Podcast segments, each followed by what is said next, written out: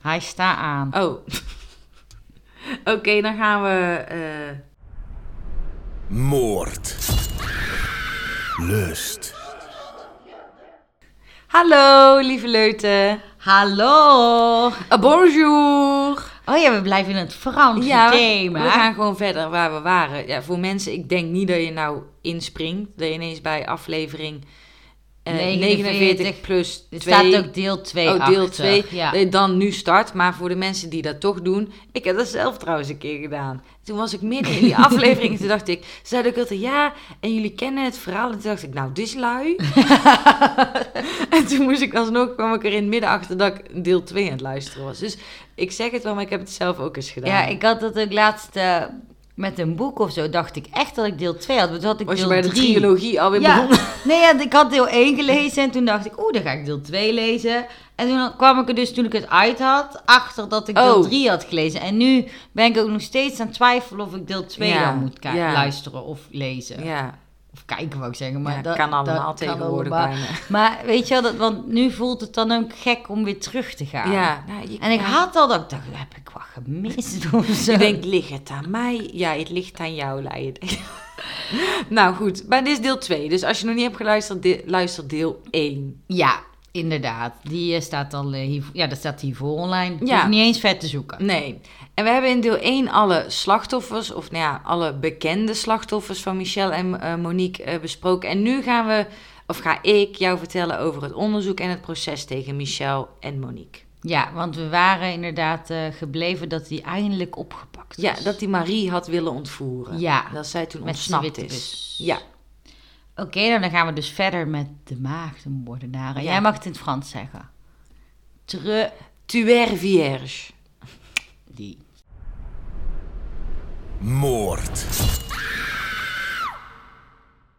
Oké, nou, we waren dus bij dat Marie werd ontvoerd en dat ze dus was ontsnapt. Nou, eh, in het onderzoek, want ja, Michel werd dus gelijk aan de hand van dat kenteken wel aangehouden, maar toen startte er natuurlijk ook een proces. Want alles wat wij nu al weten, dat wisten zij natuurlijk ook nog niet. Zij wisten niet Nee. waarvoor ze, eh, wat Waar- allemaal waar ze- ging. ja. waar ze, ja, Waar zij begonnen ja, waren. ze, er kwam nog natuurlijk heel veel meer. Ehm, en er werd al snel ook haar en DNA, eh, of ja, DNA van Marie gevonden in het busje van Michel. Dus dat maakt, was een goede link natuurlijk. Tijdens het onderzoek leerde de Belgische politie van de Franse politie ook het verleden van Michel, waarvoor die eerder was opgepakt natuurlijk. Ah, ja. En daarna met die, met die ja, tip, of hoe zeg je ja, tip is het niet, met die wetenschap zijn ze nog een onderzoek gestart. eh, eigenlijk hiernaast nog, met alle ver- recente verdwijningen van kinderen in België. Dat ze dachten, oeh, dit is een is- serial. ja. eh, Of hier zit wel kidnapper meer of achter. ontvoer- Ja.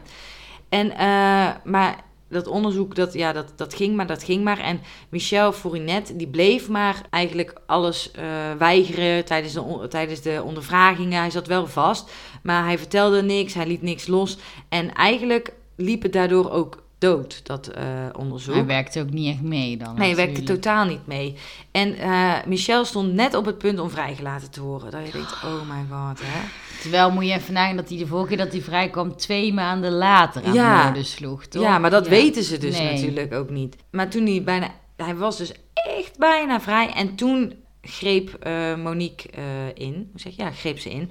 En ze knapte eigenlijk eerder gezegd. Eh, en, ont- en toen onthulde ze in 2004 eh, na zo'n 120 verhoorde, verhoren. Dus dat is echt... Oh my god. Heel Hoeveel veel. uur zou dat wel niet zijn? Ja, nee, nee, gemiddeld genomen 2, 3 uur. ja per misschien verhoor. wel. Echt heel veel tijd. Ja, Dan snap ik wel dat je knapt. ja, ja. Ik denk dat het bij menig mens eerder dat ze zijn geknapt. Ja. Maar ze eh, knapte en toen ging ze al een deel vertellen van het criminele verleden van haar man. En ze was namelijk bang geworden omdat Michel Martin, de vrouw van de moordenaar van Marc de Troe, eh, kort daarvoor ook was veroordeeld tot 30 jaar gevangenisstraf. Ah. Ze hoopte eigenlijk dat door mee te werken dat zij dat kon voorkomen. Ja. Dat, dat ze niet net als Michel Martin zou eindigen met ook een gevangenisstraf, maar dat ze de politie had geholpen en dat zij gewoon vrijuit zou kunnen gaan, zeg maar. Ehm, nou, de verklaring van Monique die bevatte allerlei details. En eh, zo vertelde ze dat Michel een keer thuis kwam naar een moord en zei: Ik ben vandaag gaan jagen en ik heb weer voldoening gekregen. Oké. Ja, Dat is toch echt, ja, dat je man dan zo thuis komt en je, oh god, vertel. Wat heb je gedaan? ja, dan, Ja. ik zou echt de rillingen maar over mijn rug krijgen. Ik zou, net als Annette en Nicole, gelijk al zeggen, aju, paraplu, Ja. I'm out. En gewoon ook misschien je bedenkingen al bij de politie neerleggen. Ja, dat zou wel een slimmere tactiek zijn als je niet ook veroordeeld wil worden, Ja, toch? ja, dat je gelijk op zo'n moment denkt van nou, ik ga van je scheiden en ik ga ook vertellen aan de politie dat jij niet helemaal klopt. Ja. Nou, omdat op dit moment dat Michel eigenlijk op het punt stond om vrij te komen, maar toen al deze details naar buiten kwamen, voelde hij eigenlijk van het, het spel is voorbij. Ik kan ze niet meer eh, om tuin leiden. En toen ging hij ook vol gewoon meewerken met de politie. Ehm, en leidde ook hen naar enkele lichamen van slachtoffers in de buurt van zijn huis, zeg maar, Mhm. waarvan ik het al eerder had eh, gedeeld natuurlijk. En ehm, er werd ook gezegd dat Michel gewoon dacht van dat alles was verjaard en dat hij niet meer vervolgd zou kunnen worden. Dus hij dacht van, oh ja, ik ben toen niet meer te pakken. Ik ga met de eer strijken, zo gezegd. Ja. En, eh, en ik word niet vervolgd. Dus een win-win situatie voor hem. Maar dat was dus niet zo. Maar hij dacht dat. Ja, ik vind wel ook dat ze dan ook nog precies weten waar het lichaam ligt. Ik vind dat bijna knap. Ik zou dat zelf denk ik bijna niet weten. Ja, maar- Nou, ik dacht dat ook. En toen dacht ik wel van ja, het is niet zomaar iets natuurlijk als je iemand vermoordt. nee, nee. Dus dat maar onthoud je, soms denk ik in zo'n bos of zo, dat je dan precies dat nog weet. Ja, ja, maar ze zeggen ook wel eens dat seriemoordenaars natuurlijk ook teruggaan naar de plekken soms Ja. om te eren. Al denk ik niet bij Michel dat hij dat deed. Nee. Want volgens mij had hij geen enkele connectie met zijn slachtoffers. Hij nam ook het- geen souvenirs of zo Nee, mee. volgens nee, mij. nee, ja, het ging hem puur... Ja, dit klinkt heel na, maar volgens mij was zijn souvenir zo gezegd... Dat hij hen van hun Ja. eh maagdelijkheids had a- ontnomen. Dat was zijn Ja. ding natuurlijk. Maar hij dacht dus dat hij niet werd vervolgd, wat dus wel zo was. En hij dacht een beetje dat hij daar ja, niet onsterfelijk, dat hij onaantastbaar was. Dus hij ging daardoor helpen en voelde zich helemaal het mannetje. Nou, die kwam van de koude kermis thuis natuurlijk, Ja, gelukkig. gelukkig. Eh, en Monique ontspringt ook gelukkig niet de dans, want zij wordt op 29 juni 2004 ook aangehouden wegens het niet aanbieden van hulp in, aan personen in gevaar allereerst. Ehm, en een dag later bekent Michel, na zeg maar, het eh, aanhouden van Monique, ook zes moorden eh, tijdens andere ondervragingen weer. En hij betrekt Monique ook gelijk hierbij. En zij eh, werd door hem heel tijd zijn bloederige muze genoemd. Nou, oké, fijn om, om dat Deze- te zijn. Ja, de beest en de bloederige muze. Nou, ja. Nou, in het document dat hij naar het Hof van Assise stuurde, de- ja, dat is zo'n Europees hof. Aard zal dit waarschijnlijk fantastisch kunnen uitleggen, ik niet. hij beschrijft zichzelf als een slecht wezen en verstoken van enig menselijk gevoel.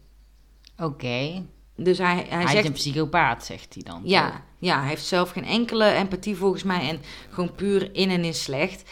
Ook zijn eh, ja, bekentenissen en verslagen van de verhoren onthullen dat hij een egocentrische persoonlijkheid had, ongevoelig was voor enige vroering en eh, onverschillig was voor de pijn van de families van de slachtoffers. Hij had daar echt helemaal geen gehoor aan of überhaupt dacht hij daaraan. Maar ja, als jij, wat ik, wat ik in de vorige ook zei, als jij iemands anders kind kan vermoorden terwijl je zelf een kind krijgt Ja. of kinderen hebt, dan...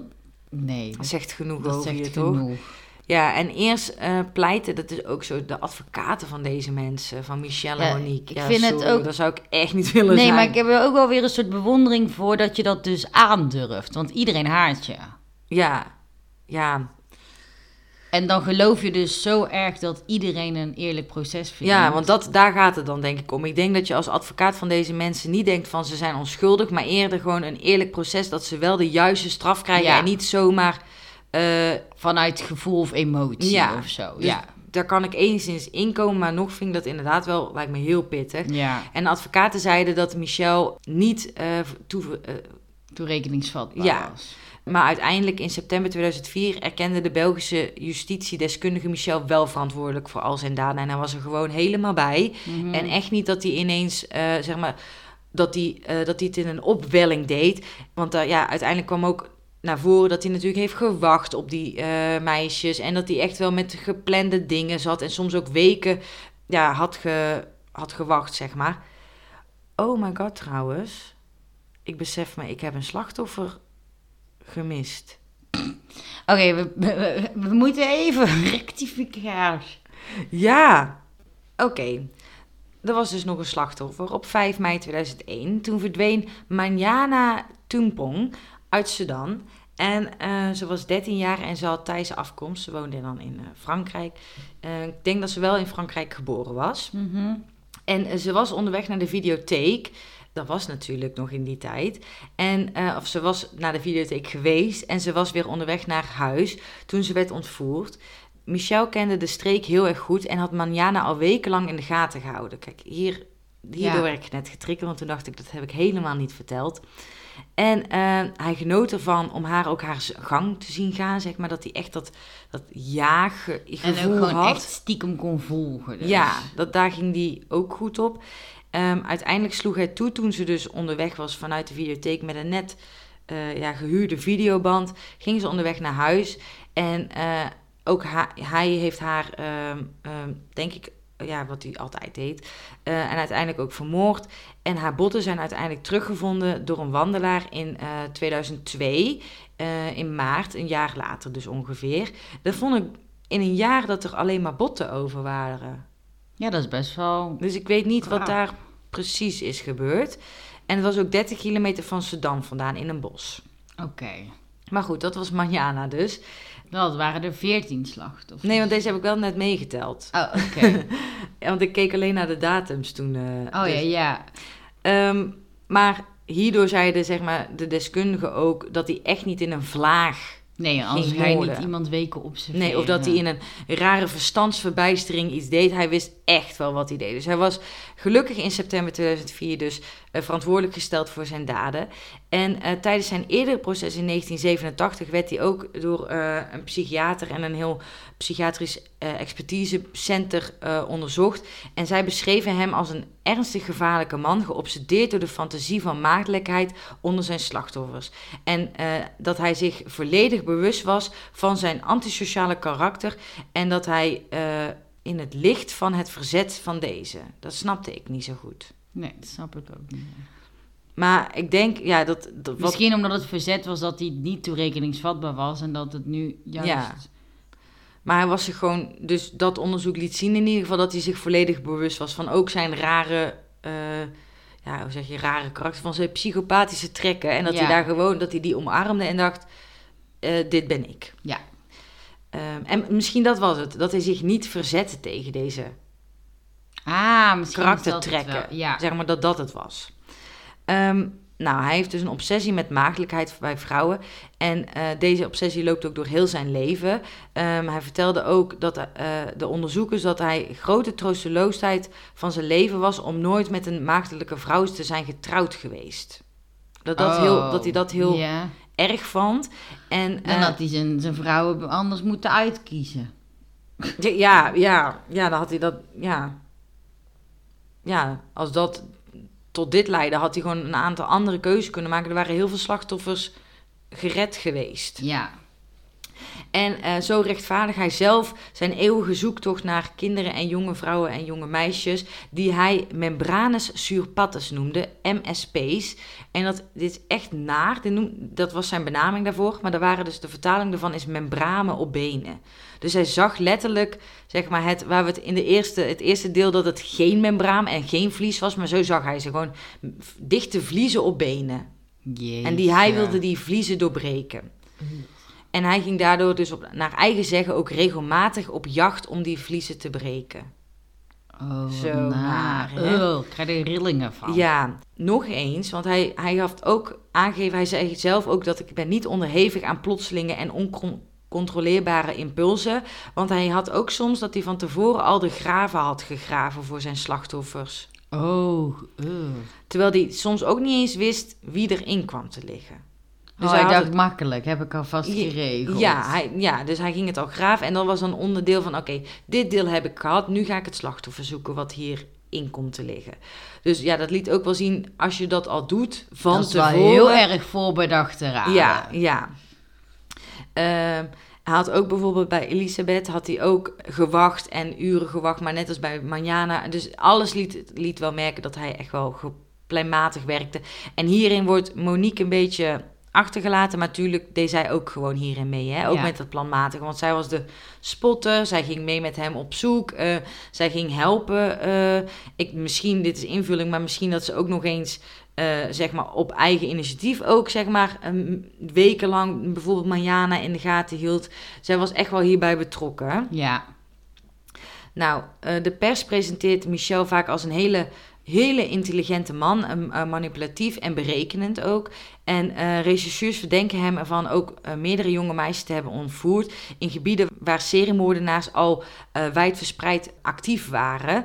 Zodat eh, hij deed ook zijn, hun manieren dan expres na. Een soort copycat. Ja, eh, zodat hij een beetje onder de, onder de radar bleef. Dus hij had hele tactieken. Want als je het ook kijkt naar hoe alle slag... De een heeft hij doodgestoken, de ander doodgeschoten. Dan weer gewurgd, dan gemishandeld. Eh, en ook met Dutroux toen Ja. in de buurt en zo, met die leeftijd en die meisjes. Ja, dus hij, dus hij was daarin heel... Daarom had hij expres die witte bus. Ja, ook natuurlijk. Dat viel helemaal in het profiel van elke seriemoordenaar die toen actief, die ooit actief is geweest. Dus hij was daar heel berekenend in. En in april 2001 geloven de onderzoekers ook dat hij een list heeft gebruikt om zichzelf vrij te kunnen pleiten van een mogelijke aanklacht. Want ehm, hij wilde een 20-jarige vrouw uit Hans-sur-Les ehm, in zijn auto krijgen. En hij wilde haar waarschijnlijk ook ontvoeren, verkrachten en vermoorden. Maar dat lukte hem niet om die vrouw mee te nemen. Later, uren later, heeft hij een andere jonge vrouw in de buurt in Roquefort naar Shanley in zijn auto meegenomen zonder maar iets te proberen. Oh. En haar naar juist heel beleefd en heel lief en heel netjes van de ene naar de andere locatie gebracht. Als echt een lifter, zeg maar. Ja, en eh, dat had hij dan waarschijnlijk gedaan, denken de onderzoekers, van in het geval dat de ene vrouw, die van 20 jaar, een aanklacht zou indienen. Maar ik wil hem, wat de pers zegt dat hij zo intelligent is, dat wil ik hem echt niet meegeven hoor.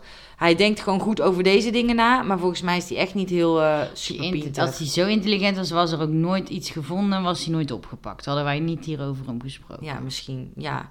En ja, En had hij geweten dat die verjaringstermijnen toch anders ja toch, dan weet je die Ja. dingen wel. Dus eh, nee, ik wil hem dat niet eh, meegeven, dat hij een En ik denk als je echt slim bent, dan doe je het alleen. Je wil hem bijna helpen. eh, de...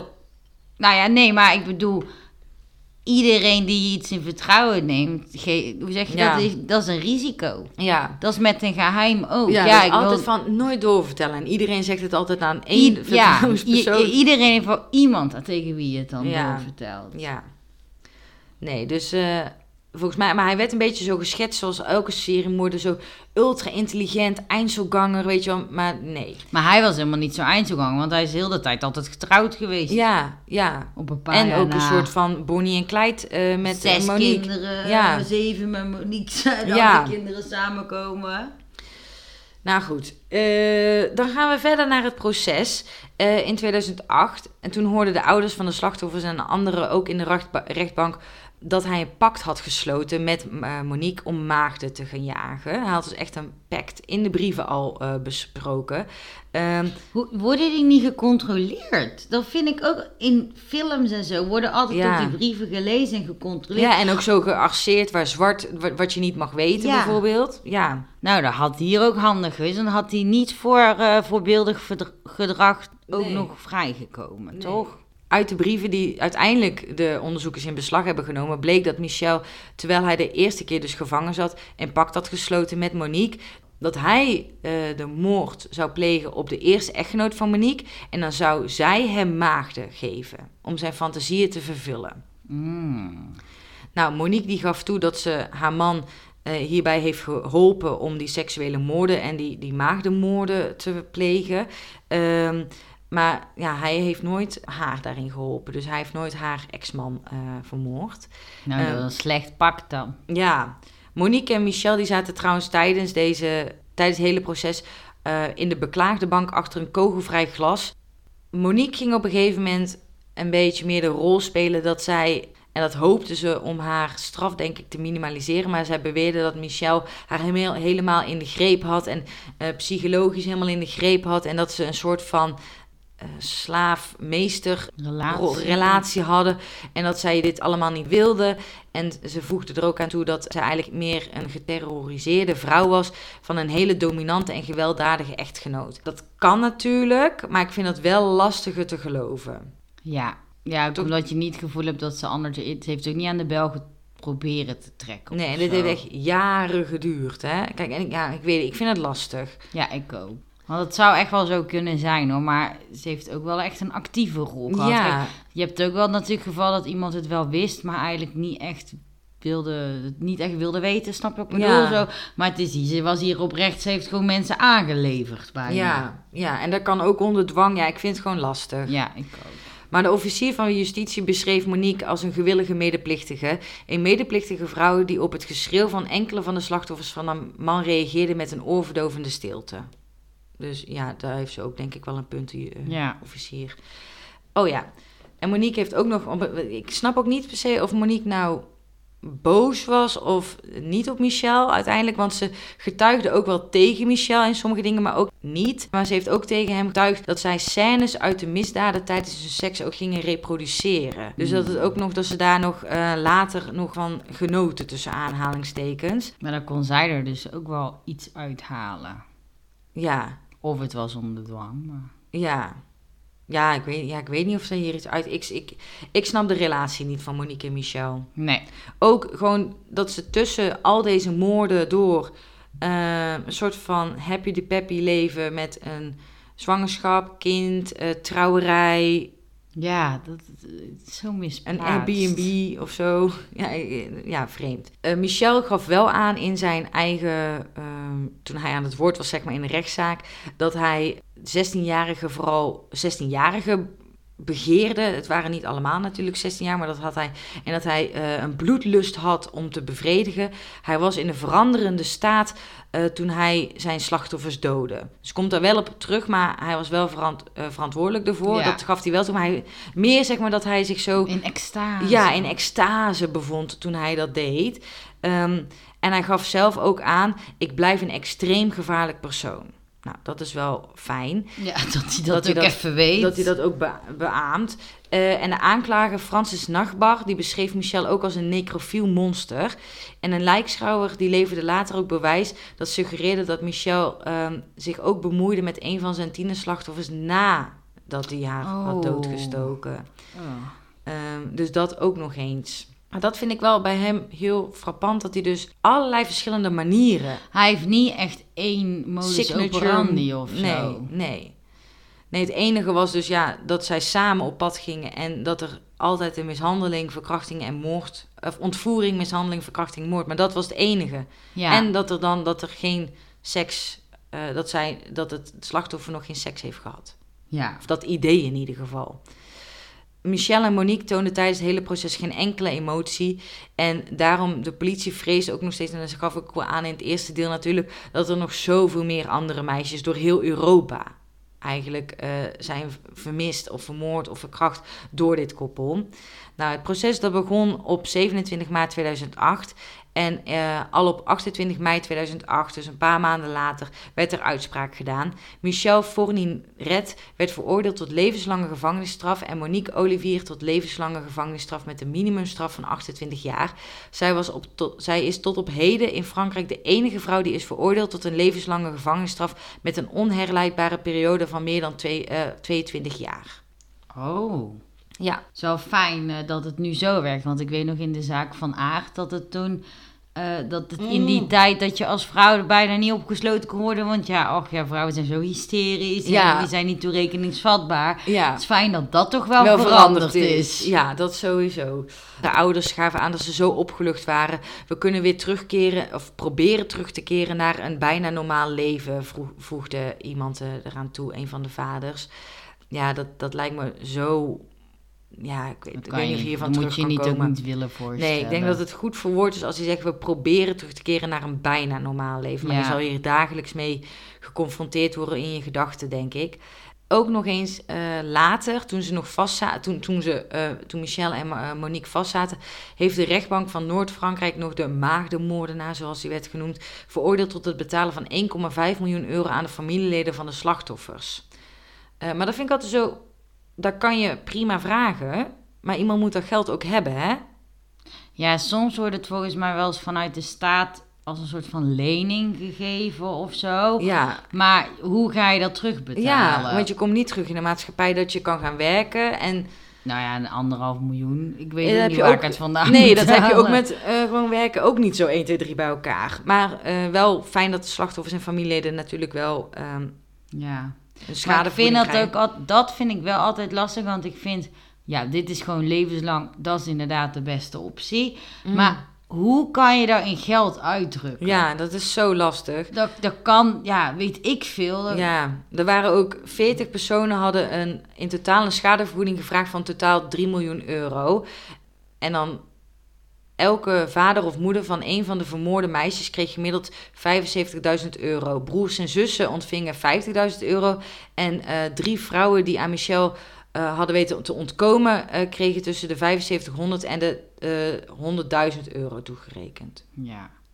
Maar dat, ja, daar kan je toch geen prijs op Nee. plakken? Ja, volgens mij berekenen ze dat ook bijvoorbeeld dat je ehm, een hele periode niet hebt kunnen werken, dat je dat geld misloopt, dat je eh, bepaalde dingen eh, niet meer kunt doen door het emotionele verdriet. Ja. En dat je, ja, dat je daar, daar, daar wordt het aan, ja, aan de hand van dat wordt het berekend. Dan ga ik naar 10 mei 2021. Michel en Monique zitten natuurlijk nog steeds vast. En op dat moment wordt Michel met spoed opgenomen in het ziekenhuis van Salapierre in Parijs. En hij is toen op 79-jarige leeftijd gestorven en werd begraven in Parijs. Nou, gelukkig. Ja, Wel, ik vergeet heel de tijd dat hij, toen hij gepakt was, was hij 61 toch of zo, zei jij, of 64. ja, eens, ja. En dan denk ik, ja, dan krijg je levenslang, maar is natuurlijk, 61. ja, dus dat is misschien dan, dat vind ik dan altijd lastig. Want dan Mhm. krijg je wel levenslang, maar je hebt gewoon nog wel 61 jaar een leven gehad. Ja, Terwijl als je 30 bent en dan levenslang krijgt, dan mis je die 31 jaar ook nog. ja, ja. Dus ja, ik vind niet dat hij helemaal verdiend heeft wat hij... Nee. Hij komt er makkelijk mee weg. Ja. Zulke ja. mensen moeten 100 boren. Ja, die moet heel oud worden inderdaad. Niet voor het geld wat dat Nee, de staat nee. kost, maar Voor de straf. ja. Ik heb ook nog eens, of in ieder geval, ik heb dat niet gedaan. eh, de politie en de onderzoekers hebben een lijstje van waarom het eigenlijk zo lang heeft geduurd voordat Michelle en Monique op het spoor. Of ja, dat ze eigenlijk. Want eigenlijk is het nog niet. Ja, door de, door de kracht van Marie dat ze is ontsnapt. Ja. En dat, daarom zijn ze gepakt, niet door politieonderzoek. Want na de vrijlating in Ook 19. niet door een aanhouding voor Nee, iets anders of zo. nee. Want toen was hij gewoon met, gevlucht. ja, met die papieren Ja. vervalsingen en weet ik Dat het allemaal. gewoon. Ja, en eh, want ze zijn natuurlijk sinds de vrijlating van 1987 heeft het 16 jaar geduurd voordat hij weer werd opgepakt. En hij is ook in die jaren nooit verdacht van iets wat met hem te maken had. Gek. Nou, er zijn zes punten die daarvoor hebben gezorgd. Eh, punt 1. De meeste strafzaken van vandaag die aan hem worden toegeschreven, werden niet destijds met elkaar in verband gebracht. Dus Ah ja, en ook omdat er geen patroon in zat Nee. natuurlijk. Nee, dat is ook een puntje. Ehm, maar daarnaast ook het tweede punt was dat de misdaden werden gepleegd in beide zijden van, eh, zeg maar Frank van de grens. Dus zowel in Frankrijk als in België. Derde puntje werden de misdaden ook gepleegd op plaatsen die soms heel ver van elkaar verwijderd waren. Eh, zowel in die twee landen, maar ook binnen de landen werd het, werd het niet zeg maar een, eh, 10 kilometer tussen elkaar. Maar zat er veel meer tussen.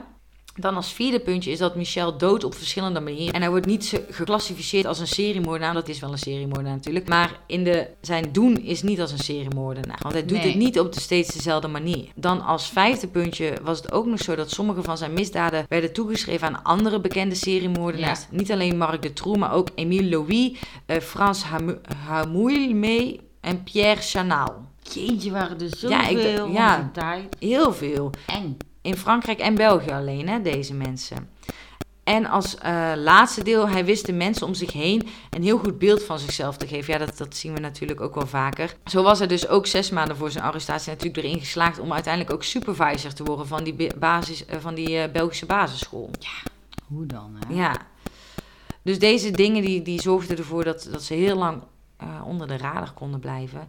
En dat is nu heel de zaak van Ja. Michelle en Monique. Maar hij was natuurlijk ook... Hij had natuurlijk dan een vrouw en zwanger en een kindje en Ja, trouwen en zo. Dus dan heb je het gevoel dat dat, ja, dat, dat zo goed zit. loopt. Of ja, ja. ja. ja, eigenlijk vreemd. Ja, heel raar. Ik ben blij dat ze eigenlijk... En Monique zit dan nog vast en die komt ook niet echt meer vrij. Nee. Want die was iets jonger, toch? Ja, Maar ook weer niet... Drie, vier jaar jonger. Ja. Dus nee, die zit nog vast. We gaan denk ik nu naar het lustgedeelte. Ja. Lust. Nou, ik wilde eerst even zeggen voordat we hier aan beginnen. dat, eh, wij hebben dat volgens mij een keer eerder in de podcast ook zo genoemd. Dat ontmaagding, dat, dat ik dat, die term niet meer erin wil. Ik wil het seksueel debuut. Dan Ja, kies je gewoon een zelf wanneer jouw seksueel debuut is. Ehm, en ik verander zelf dus ook even de termen in deze eh, vraag. Want we hebben een eh, luistervraag, of zeg je luisteraarsvraag. In Een plaats vraag van een luisteraar. Ja. En eh, diegene geeft aan: Ik heb nog geen seks gehad en ik ben 31 jaar. Moet ik dit sowieso dan tegen een nieuwe partner zeggen? Ik vind het heel lastig en ik merk ook dat ik het in mijn vriendengroep heel moeilijk vind. Ja. Nou, dat kan ik begrijpen. Als je je seksuele debuut nog niet hebt gehad en je merkt in je omgeving dat anderen dat wel hebben gehad en er bijvoorbeeld over hebben en toch is seks vaak wel een onderwerp tijdens bijvoorbeeld eh, avondjes met wijn, eh theetjes kan trouwens ook. maar ja, dat het dan toch een onderwerp is en dan snap ik dat het lastig is om daarover mee te praten of telkens weer eh, degene te zijn waar je, die dan misschien zich zo voelt van ik kan hier niet in meepraten. Ja, en ik denk, va- vaak wordt er ook, dat hebben we ook al wel eerder gezegd, ook bijvoorbeeld bij vriendengroepen, dat mensen eigenlijk van alles roepen, maar niet, Ja. ja, dat niet altijd de waarheid is. Maar ik zou daarin, als je daar onprettig bij voelt, zou ik gewoon eigenlijk degene kiezen die het meest vertrouwt uit die vriendengroep. Vaak zit er toch, hè, is één toch Mhm. een betere vriend of vriendin dan, Ja. dan de ander. En dan zou ik het daar wel, mee, wel over hebben, want ik denk wel dat anderen daar echt wel rekening mee willen ja, houden. zeker. Dat denk ik ook. En dat je misschien juist alleen maar. Kan zijn dat je het misschien wel heel leuk vindt om andere verhalen te horen, maar het niet fijn vindt als mensen het ook direct aan jou vragen. Nou, dan Ja. zou ik het wel op die manier bespreken. Maar ik zou het niet in zo'n vriendengroep dan ineens zeggen: Oh jongens, hé, hey, stop. Ja, eh, ja. Want dan kan ik je dat best wel voor je onveilig ja, voelen, dat het ik. onprettig voelt inderdaad. En ook eh, diegene vroeg ook van ja, moet ik dit zeggen tegen een nieuwe partner? Vond ik een lastig, want je bent niet verplicht om per se Nee. heel je seksuele geschiedenis te moeten delen op date 1. Dat sowieso niet. Eh, maar ik, ik- je kan wel eh, afvragen voor jezelf, wat vind je prettig natuurlijk? Als je merkt dat je misschien met diegene, als je aan het daten bent, toch die seksuele spanning voelt. En je merkt van, ah, we gaan misschien seks hebben. Vind je het dan prettiger dat diegene dat weet? Want de- degene kan dan ook meer rekening houden met jou Ja. natuurlijk.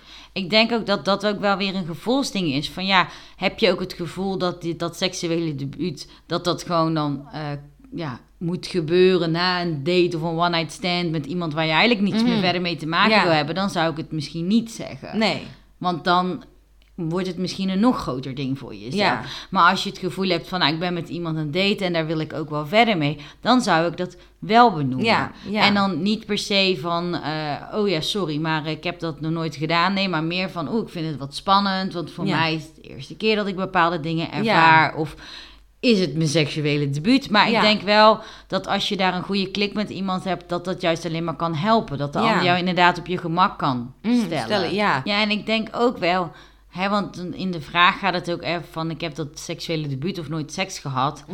Maar wat is seks? Betekent er zullen ook andere dingen zijn die je misschien al wel geprobeerd hebt ervaren Ja. hebt. Of waarvan je denkt van, oh, dat vind ik een makkelijkere stap, zeg maar. Je Ja. hoeft niet gelijk helemaal naar hetgene te gaan waarvan Nee. jij denkt dat dat seks is. nee. Maar Ik zou adviseren om juist inderdaad kleine stapjes te doen. ja, En dat kan ook met een one-night stand, hè? ja bedoel, dan heb je al ook- meerdere ja. one-night stands misschien. Maar ik denk dat het dan goed is dat je het in ieder geval in stapjes doet die voor jou prettig zijn. En ja, welke stapjes daarin, dat is ook voor iedereen anders. Dus dan moet je even ontdekken welke stapjes je fijn vindt. En ik wil nog even toevoegen, want hier gaat het dan de vraag van... moet ik dit dus zeggen tegen een nieuwe partner? Dat er soms dan achter ligt dat je je, bent, dat je je verplicht bent aan een nieuwe partner... om dit te vertellen, want je nieuwe partner, die moet dit weten. Maar, maar ik denk het is ook- helemaal niet dat die informatie per se er moet zijn. Nee, maar je gaat toch ook niet voordat je met iemand eh, het bed in duikt zeggen... oh, maar hoeveel partners heb je eigenlijk gehad? Ja, En hoe wat vaak heb je precies met iedereen gehad? gedaan? Ja. En kun je mij even de administratie geven?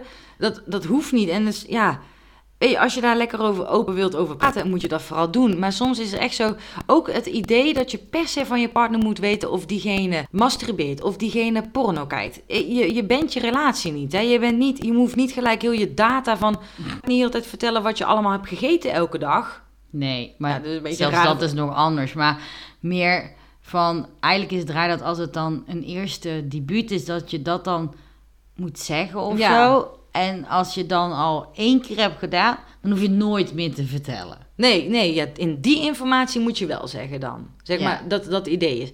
Dus nee, je hoeft het niet tegen een nieuwe partner. Je moet gewoon, ja, dat zeggen we heel vaak natuurlijk, maar je moet gewoon doen waar je jezelf prettig bij voelt. Ja, en dat is in een vriendengroep ook, weet Ja. je. Pa- Pak er even iemand uit, neem Ja. die even apart en praat daarover. Ik Want er zullen ook mensen zitten die misschien zijn debuut wel hebben gehad, maar heel erg onzeker zijn op een ander seksueel Ja. gebied. En dat nooit durven toegeven, omdat iedereen aan het schreeuwen Ja. is. Nog één vraag. Dat is niet vanuit de luisteraar, maar wat kun je doen als vriend of vriendin als je misschien merkt of als je weet dat een vriend of vriendin of wie dan ook nog zijn seksuele debuut nog niet heeft gehad? Hoe kan je diegene steunen? Door er te zijn en denk ik ook te vragen wat diegene prettig vindt. Ja, Door ook te zeggen van, oh, hè, ik heb het daar wel over. Vind je dat eigenlijk prettig dat Ja. ik dat helemaal in detail Mm. uitleg of niet? Maar ik denk dat dat eigenlijk altijd goed is om te bespreken. Ja. Ook al is het gewoon een eh, iemand, is het gewoon een vriend of vriendin die je al heel lang kent en die Ja. misschien al lang een debuut gehad heeft. Maar de een verhoudt er ook niet van. Om Nee. daar ook, en ook, het gaat natuurlijk heel vaak over persoonlijke verhalen in vriendengroepen. Maar je kan natuurlijk ook gewoon over algemene dingen, wat wij altijd zeggen ja, praten. Dus ik zou om diegene te steunen dan zeggen van nou, wat, wat vind je eigenlijk prettig? En als iemand zegt, nou, ik vind het echt niet fijn dat het altijd daarover gaat of dat het altijd Mhm. over eigen verhalen gaat. Dan kan je wel degene zijn die natuurlijk tegen je vrienden of vriendinnen of in ieder geval tegen de groep zegt van hé, hey, laten we het even Mhm. ergens anders over hebben. ja. En eh, dan wil ik nog één ding zeggen. En dan ga ik wel heel even het, eh, het woord gebruiken. Dat het dan ook altijd zo van, dan word je de maagd van de groep of zo. Maar dat het soms ook juist helpt van dat je er niet zo'n ding van maakt. En dat je gewoon juist in de openheid met de groep bespreekt. Of onder, eh, met z'n drieën onder vrienden zegt van... Hé, hey, oh, je hebt nog eh, bepaalde dingen in seksualiteit nog niet gedaan. Hoe kijk je daar tegenaan? En dan niet helemaal van, oh, je hebt dat nu niet gedaan. Wat vind je ervan? Maar meer gewoon ja, betrekken alsof het wel om... eh, ja, dat, ja, dat gaat ook gewoon om seks. Weet je, seks heeft niet alleen de handeling natuurlijk. Dus iemand ook gewoon betrekken. Nou, that's it. Oké, dan gaan we hem afsluiten. Deze dubbele aflevering. Van de Tuer Vierge. Zo, dat zeg je goed. Ja. En eh, verder, mocht je het nou leuk vinden wat wij doen, nog meer willen horen, ons willen helpen, eh andere, wat kan je online on- ja. artikelen, van alles, dan kan je ook nog lid worden of je petje voor ons afnemen op onze petje af, slash seksologen met twee. Zo makkelijk kan het Ja. zijn. En er komt ook een exclusieve Moordlust Instagram Ja. aan. Die je in dus de making. ja, en die kan je dus volgen wanneer je je petje hebt afgenomen. Dat is moordlust.podcast Ja. op Instagram. Maar je kan ons ook altijd nog volgen op. Het seksologen met twee. En dan kan je ook berichtjes sturen in de chat als je ons wat wilt vertellen. En Of dat we je vraag behandelen toevallig. Ja, dat kan ook. Dat hebben we graag, want eh, we kunnen, niet zo, we kunnen soms niet meer elke keer iets lustigs vinden eh, nog in de zaken, wat we nog niet hebben besproken. Dus die vragen zijn wel fijn. En je kan ook je vragen insturen op ons contactformulier. Dat vind ik heel leuk. Ja, op www.seksologenmet2.nl slash contact. Yes. Hele Okido. mond vol. Ja, ja, dat was hem denk ik. daar gaan we weer. Nou, au revoir. Doei! Dag.